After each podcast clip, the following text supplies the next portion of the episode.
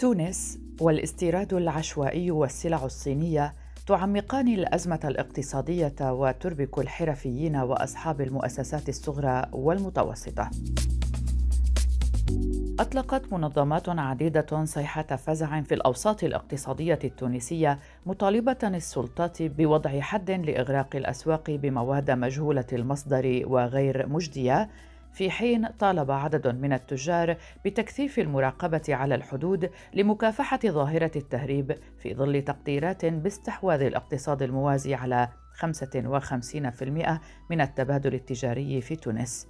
هذا هو موضوع حلقتنا اليوم من بودكاست في 20 دقيقة نناقش فيه أسباب هذه الأزمة الاقتصادية والحلول الممكنة مع ضيوفنا السيد رياض بن يوسف حرفي شاشية في السوق التقليدية التونسية والسيد أنيس الجزيري رئيس مجلس الأعمال التونسي الإفريقي ورئيس المنظمة الوطنية لرواد الأعمال ياسين قويعة أهلا بكم معكم براء صليبي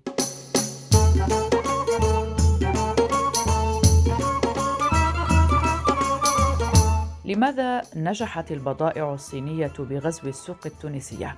قبل خمس عشرة سنة لم تكن الصين ضمن قائمة الشركاء التجاريين العشر الأوائل لتونس حيث هيمنت كل من فرنسا وإيطاليا وألمانيا والجزائر وليبيا على معظم السوق المحلي والواردات التونسية من الخارج. هذه الخريطة لم تلبث أن تغيرت بسرعة خلال السنوات اللاحقة لتبرز الصين لأول مرة سنة 2008 في المرتبة السادسة بصادرات ناهزت 1471 مليون دينار بما يمثل 3.7% من إجمالي واردات تونس. الصين لم تكتف بتلك المرتبة لتواصل توسيع نصيبها من السوق التونسية خصوصا مع تغيير النظام السياسي بعد سنة 2011 لتزيح ليبيا والجزائر وإسبانيا وحتى ألمانيا محتلة المرتبة الثالثة ب 8.9% بعد فرنسا وإيطاليا اللتين تسيطران مجتمعتين على 32% من إجمالي الواردات التونسية سنة 2017 طوفان السلع الصينية الذي أزاح عددا من الشركاء التجاريين التقليديين لتونس شمل تقريبا جميع المنتجات دون استثناء حسب ما تؤكده أرقام منظمة التجارة الدولية. لكن النصيب الأكبر كان للمعدات الكهربائية والإلكترونية التي مثلت 53% من الواردات التونسية من الصين بقيمة 2295 مليون دينار لتكون المرتبة الثانية للنسيج والمعادن والصناعات التحويلية بقيمة 1000 و18.3 مليون دينار ولتشمل أخيرا السيارات والمعدات الميكانيكية التي كانت حكرا على المصدر الأوروبي بقيمة 239 مليون دينار سنة 2017 وهو ما يمثل 5.5% من الصادرات الصينية إلى تونس.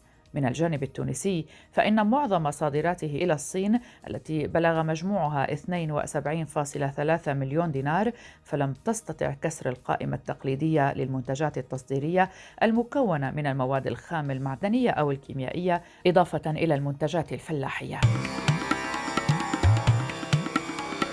تعالت صرخات أصحاب المؤسسات والخبراء في تونس مناهضة تفشي ظاهرة الاستيراد العشوائي بغياب سياسة اقتصادية واضحة.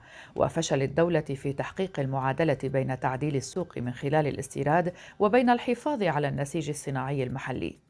تكمن اهتمامات المنظمات والخبراء على تداعيات غزو المنتجات الصينية للأسواق التونسية على القطاعات المختلفة. لكن ما الذي ساعد الغزو الصيني على تحقيق أهدافه الاقتصادية؟ وكيف تمكنت تلك البضائع المقلدة من الإطاحة بقطاعات تاريخية عمرها من عمر الدولة وأكثر؟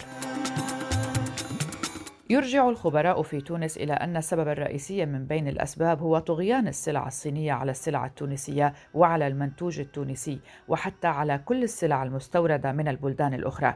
اولا بسبب ارتفاع أسعار المواد سواء كانت مصنوعة في تونس أو مستوردة من بلدان أخرى ونظرا لقلة ذات اليد أصبح المواطن التونسي يلجأ إلى الأرخص ثمنا أو يلجأ إلى البضاعة المستعملة أو يستنجد بالبضائع الرخيصة الثمن والبضاعة الصينية هي بأبخس الأثمان وبالتالي يمكن أن يشتري التونسي ملابس وطعام وقطع غيار وغيرها لذلك تنجح البضاعة الصينية بغزو تونس والعالم. أنتجت تلك الأوضاع خللا تجاريا في تونس ما تسبب بإقفال عديد من المؤسسات الصناعية وتسريح عمالها كما أدت الأوضاع الاقتصادية إلى خفض عدد العمال وخفض رواتبهم. كل ذلك فاقم من الأزمة التي لا تزال بلا حلول. ويرجع السبب الثاني إلى أن الخلل التجاري هذا ازداد حدة بسبب جائحة كورونا، وقد أدى ذلك إلى إغلاق بعض المؤسسات الصناعية التي لا تستطيع أن تصدر أو تبيع منتجاتها، وإلى طرد العمال أو إغلاق المؤسسات أو الإنقاص من اليد العاملة فيها أو تخفيض أجور الموظفين. وقد أدى كل ذلك في النتيجة إلى أن المواطن التونسي أصبح غير قادر على أن يشتري البضائع التونسية وهذا ما ولد انعكاسات كبيرة على الخلل التجاري في البلاد. رياض بن يوسف واحد من التجار وحرفي في قطاع الشاشية بالمدينة العتيقة يحمل مسؤولية الاستيراد العشوائي وإغراق الأسواق الصينية إلى جهل المستهلك نفسه التفريق بين المنتج التونسي والمنتج الصيني فيختار الأرخص وهو ما دمر الاقتصاد المحلي على حد وصفه. نستمع إلى السيد رياض. وجود واكتساح السلع الصينية في الحرف التقليديه التونسيه خلف ضرر كبير وعظيم على قطاع الصناعات الحرفيه التونسية بصفة عامة. ومن أهم الأضرار هي تموقع المصنعين في الحرف التقليدية التونسية آه، بمعنى أن خسرنا العديد والعديد من الإمكانيات في التكوين في تأطير آه، الحرفيين الموجودين في تأقلمهم مع الوضع الاقتصادي باعتبار آه، إنه ما عادش ثم إمكانيات للبيع ما عادش ثم إمكانيات للترويج مقارنة بالبضاعة الصينية اللي تدخل للسوق المحلية التونسية واللي تكون آه، من ناحية السعر تقريبا 80 و 70% أقل من سعر القطعة اللي مخدومة في تونس باعتبار القيمة المضافة من عند الحرفي وباعتبار ساعات العمل وباعتبار غلاء المواد الأولية اللي تخدم بها الحرفي التونسي. في حين أن السلع هذه الصينية اللي تجي هي سلع من نوعية سيئة جدا وتكون المواد الأولية متاعها المستعملة من نوعية رديئة مثلها. معناها تكون القيمة متاعها ضعيفة جدا مقارنة بالقيمة الفنية وال الحرفية من ناحية المواد الأولية للقطعة الحرفية المصنوعة من طرف الحرفي التونسي. الضرر هذا خلى إنه أغلبية الحرفيين تقريبا إحنا وصلنا 70% من الحرفيين اللي خرجوا من الميدان أو تركوا الميدان أو اغلقوا نهائيا. العباد هذوما خلات فراغ كبير من ناحية تعبئه اليد العاملة اللي كانت تستوعبها قبل. أه نشوفوا اليوم في شباب في نصل. الشباب هذا كان عدد كبير منه يمشي للحرف التقليدية باعتبارها آه، كانت تستوعب عدد عظيم وهام من اليد العاملة التونسية خصوصا الشباب اللي كانوا يتأثروا ويتعلموا ويخوضوا مجال الحياة نتاعهم. في الصناعه التقليديه ويكبروا غادي ما يمشيوش الاماكن أخرى. آه، حاجة مهمة أخرى إنه الصناعات التقليدية التونسية فقدت من جودتها باعتبار اختلاطها بالمواد الصينية هذه. ولات آه، باعتبار إنه الحريف ما يفرقش ما بين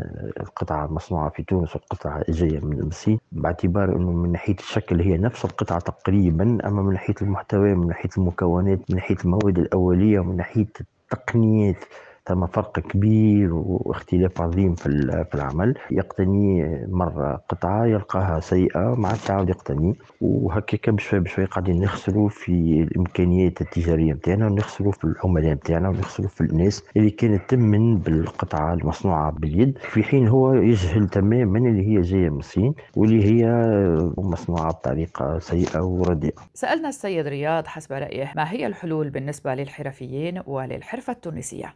الحلول المفروض تكون بسيطة جدا هي أن الدولة تأخذ زمام الأمر تمنع التوريد منعا باتا السلع التقليدية هذه. وحسب رأيي أنا الشخصي آه، يلزم يكون تفعيل تام وجدي لدور الديوان القومي للصناعة التقليدية اللي هو الحامي للصناعة التقليدية في تونس. هو يلزم يكون عنده دور فعال من ناحية آه، الاختصاص نتاعو من ناحية المراقبة الميدانية خصوصا باعتبار اللي ما حاليا حتى أدنى مراقبة فعالة. معناها يلزم الديوان والدولة من وراها تقوموا بالدور الكبير نتاعهم ووزارة التجارة زادة وزارة والاداره العامه المنافسة في وزارة التجارة التونسية يقوموا بدورهم إنهم يمنعوا دخول هذه البضاعة هذه من تونس. تتنحى هذه السلعة هذه من العرض فين موجودة هي في في الدكاكين وفي الأسواق. المتعاطي للنشاط هذا ما عاودش يفكر مرة ثانية في إعادة التعاطي في النشاط. باعتبار اللي قاعد يصير تصير مخالفات في بعض الأحيان تكون مخالفات ضئيلة ومقارنة بالأرباح الطائلة اللي يجمعوها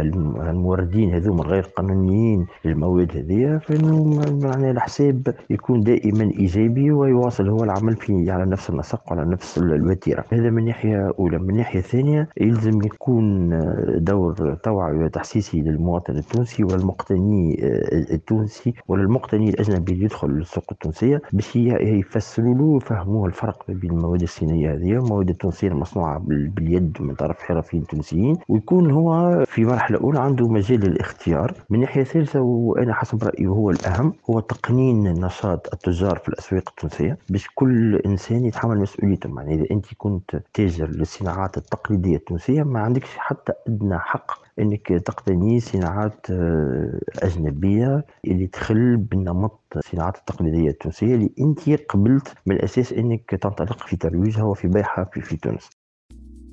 إذا أرقام خلفها غزو المنتجات الصينية للأسواق التونسية، فمتى تتحرك الدولة؟ ترتفع أصوات الاستغاثة في تونس من قبل الخبراء الاقتصاديين والصناعيين والعمال طالبين وقف زحف البضائع الصينية التي تغرق أسواقهم وتضرب قطاعاتهم وتقضي على مستقبل عمالهم ومهنهم وحرفهم. فالوضع بحسب هؤلاء لم يعد يحتمل. والاقتصاد التونسي على شفير الانهيار التام ما لم تتحرك الحكومة على الفور لوضع حد لهذا الغزو الاقتصادي وإنقاذ ما تبقى. يقدم رئيس المنظمة الوطنية لرواد الأعمال ياسين قويعة توصيفا دقيقا للحالة الاقتصادية فيعدد بالأرقام أوضاع المؤسسات والقطاعات في تونس مشيرا إلى أن النسيج الاقتصادي التونسي يتكون من حوالي 39 ألف مؤسسة أي أكثر من 80% من النسيج الاقتصادي التونسي وهي من المؤسسات الصغرى والمتوسطة واليوم تقف حوالي 60% منها على حافة الإفلاس. وبحسب الإحصاءات الأخيرة أغلقت 130 ألف مؤسسة أبوابها نهائياً وبالتالي نحن نتحدث عن حوالي 650 ألف عاطل عن العمل خرجوا من هذه المؤسسات بطريقة مباشرة أو غير مباشرة.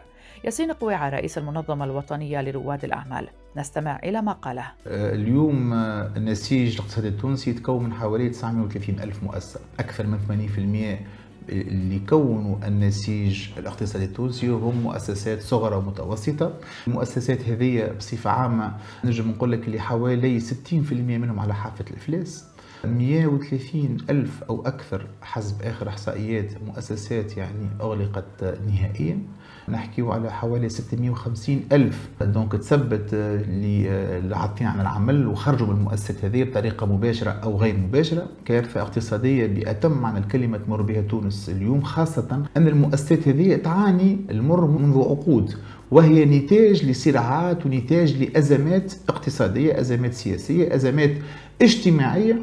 أزمات كيف كيف ممكن لسوء تقدير الاداره التونسيه أزمات نعانيوها ممكن لعدم جدية ممكن الحسم في بعض الملفات كما ملفات البضاعة اليوم اللي تجينا من الصين كما الملفات الغزو الصيني اللي حقيقة في العشرية الأخيرة ضر ياسر المؤسسات التونسية ضر الاقتصاد ضر الصناعيين ضر الحرفيين. وصلنا نلقاو في تونس يعني منتوجات للصناعة التقليدية. تجينا من الصين الشاشية التونسية نتاعنا تجينا من الصين امبورتي وتدخل عادي في المواني نتاعنا تدخل عادي في في ال écosystème نتاعنا هذه هذه مش معقول. اليوم الفضة نتاعنا النحاس نتاعنا السفساري التونسي الجلود والأحذية الصباط يعني قطاع الجلود والأحذية تضرب على الآخر على الأخر نتاج لهالصناعة الصينية ونتاج ممكن عدم الدراية بكل ما هو يعني يتخلف عليه بمخلفات هالشيء اللي قاعد صاير. مؤسسات أغلقت. نسيج اقتصادي على حافة الانهيار. إحنا اليوم كمنظمة وطنيه لرواد الأعمال مش نحاولوا نمدوا كل يعني ما لدينا من قوة انعاش ولإنقاذ ما يمكن انقاذه دعوة للدولة وللحكومة الجديدة هذه أنها تركز وتركز في مخططاتها المقبلة على عملية إنقاذ الشريحة الكبيرة من المؤسسات اللي هي في يوم ما خلقت الثروة في تونس. ساهمت في النمو الإجمالي في تونس. شغلت العديد من الكفاءات التونسية وعديد من اليد العاملة المختصة في الميادين هذه. سألنا السيد أنيس الجزيري رئيس مجلس الأعمال التونسي الإفريقي.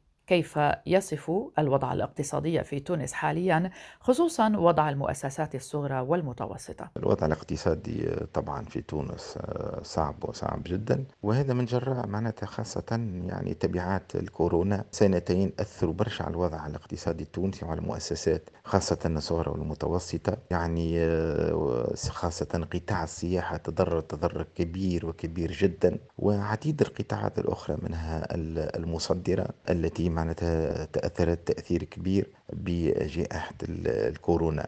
كذلك آه، الاستثمار الآن في تونس يعني ضعيف وضعيف جدا وضعية كذلك المالية العمومية تعرفها يعني معناتها آه، وضعية صعبة. تتطلب مجهود كبير ياسر من الحكومة الحالية لإعادة إحياء النقاشات مع صندوق النقد الدولي وعدد من المؤسسات الدولية للمساعدة لتمويل يعني الميزانية آه، بما يمكن من إعادة عجلة استثمار الدولة أولا اللي هي الآن يعني نجم نقول متوقفة وبإعادة استثمار الدولة طبعا استثمار الخواص آه، يرجع. لكن إلى حد الآن يعني الأمور ما زالت معناتها ما هيش واضحة في هذا الإطار. وكعلاش معناتها الاستثمار إلى حد الآن آه، ضعيف وضعيف جدا. وهو مؤثر على مناخ الأعمال بكل صراحة وزاد في تأزيم الوضع الاقتصادي. لكن كل الدول تستورد من الصين. لماذا تضرر المنتج التونسي بصفة خاصة؟ أغلب الدول غير قادرة على منافسة للصين في بعض السلع. المشكل في تونس أنه ال balance commerciale يعني ميزان التجاري بين تونس و الصين يعني آه، لصالح الصين بصفة كبيرة وما نصدروش حاجة كبيرة للصين لكن نستوردوا عديد عديد السلع من الصين. خاصة طبعا المواد الأولية لكن كذلك عديد من البرودي فيني يفوق هذا معناتها أكثر من 4000 مليون دينار يعني استيراد من الصين وهو معناتها نجم نقول مونطون كبير جدا. هذا بدون اعتبار السلع المهربة اللي تدخل لتونس من الصين بدون دفع ضرائب بدون دفع معاليم ديوانية. وهذا ما أضر كذلك بالصناعة التونسية لأنها آه، تعرف مؤسسات مهيكلة وتعمل في إطار قانون لكن لا ما تنجمش تنافس يعني سلع صينية مهربة. بكل صراحة علاش؟ أثرت تأثير برشا على عدد من الصناعة التونسية التي أقفلت من جراء هذا التوريد العشوائي وخاصة هذا تهريب السلع الصينية نحو السوق التونسي سألنا السيد أنيس أيضا هل هنالك لوبيات أعجزت الدولة التونسية عن صدها؟ أنا لا أعتبر أنه فما لوبيات استيراد يعني طبعا معناتها عندنا إحنا سوق مفتوحة وكل الشركات نجم تصدر وتنجم تستورد. الإشكال يكمن مش في لوبيات الاستيراد الإشكال يكمن في أنه هناك خلل في التوازن التجاري. يعني إحنا نصدر في ما يقارب 40 مليار دينار ونورد في ما يقارب 60 مليار دينار. يعني عندنا ميزان آه، يعني آه، négatif سلبي بما يقدر 20 مليار دينار. وهذا يعني أثر تأثير كبير على موازنات الدولة وعلى خاصة معناتها les réserves en devises في البنك المركزي. لذا يلزم عملية ترشيد أولا الاستيراد ومن ثاني حاجة يلزم تدعيم التصدير نلقاو ال équilibre نتاعنا هذا هذا هو يعني اللي به فايدة. لكن باش نقولوا فما لوبيات ولا مش لوبيات في الاستيراد هذا بصراحة ليس يستقيم معناتها هناك ناس تخدم على روحها وعندها شركاتها وعندها les showrooms نتاعها وكذا وعندها سنين الله تخدم. donc مش نجيو اليوم في ليله ونهار باش نقول لهم معناتها ما عادش تستوردوا هما بيدهم يخدموا في عباد ويخدموا في معناتها عندهم التزامات نتاعهم لكن الإشكال يكمن في macroéconomique يلزم نلقاو حل لإعادة التوازن لصادراتنا ولتوريدنا. ومن موقع السيد أنيس؟ كرئيس لمجلس الأعمال التونسي الإفريقي سألناه ما هي الحلول الممكنة التي من شأنها أن ترجع الدورة الاقتصادية نشطة كما كانت؟ أولا يلزم رؤية واضحة يلزم رئاسة الجمهورية كذلك توضح يعني خريطة طريق واضحة المعالم حول معناتها التوجهات الكبرى لتونس والانتخابات القادمة إمتى وعودة المؤسسات إلى خروج يعني من الوضع الحالي اللي هو يعني استثنائي ورجوع معناتها إلى وضع عادي ورجوع المؤسسات وانتخاب معناتها برلمان جديد وغيره. هذا مش يطمن اولا كافة الفاعلين الاقتصاديين في تونس ويطمن المجتمع الدولي. هذه النقطة الأولى المهمة.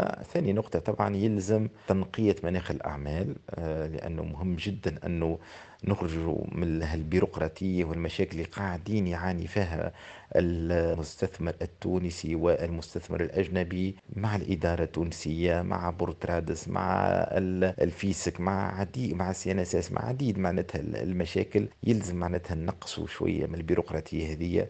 ونعطيه دفع معناتها للاستثمار ودفع معناتها للفاعلين الاقتصاديين باش معناتها ترجع الدورة الاقتصادية تدور إلى أعلى مستوى.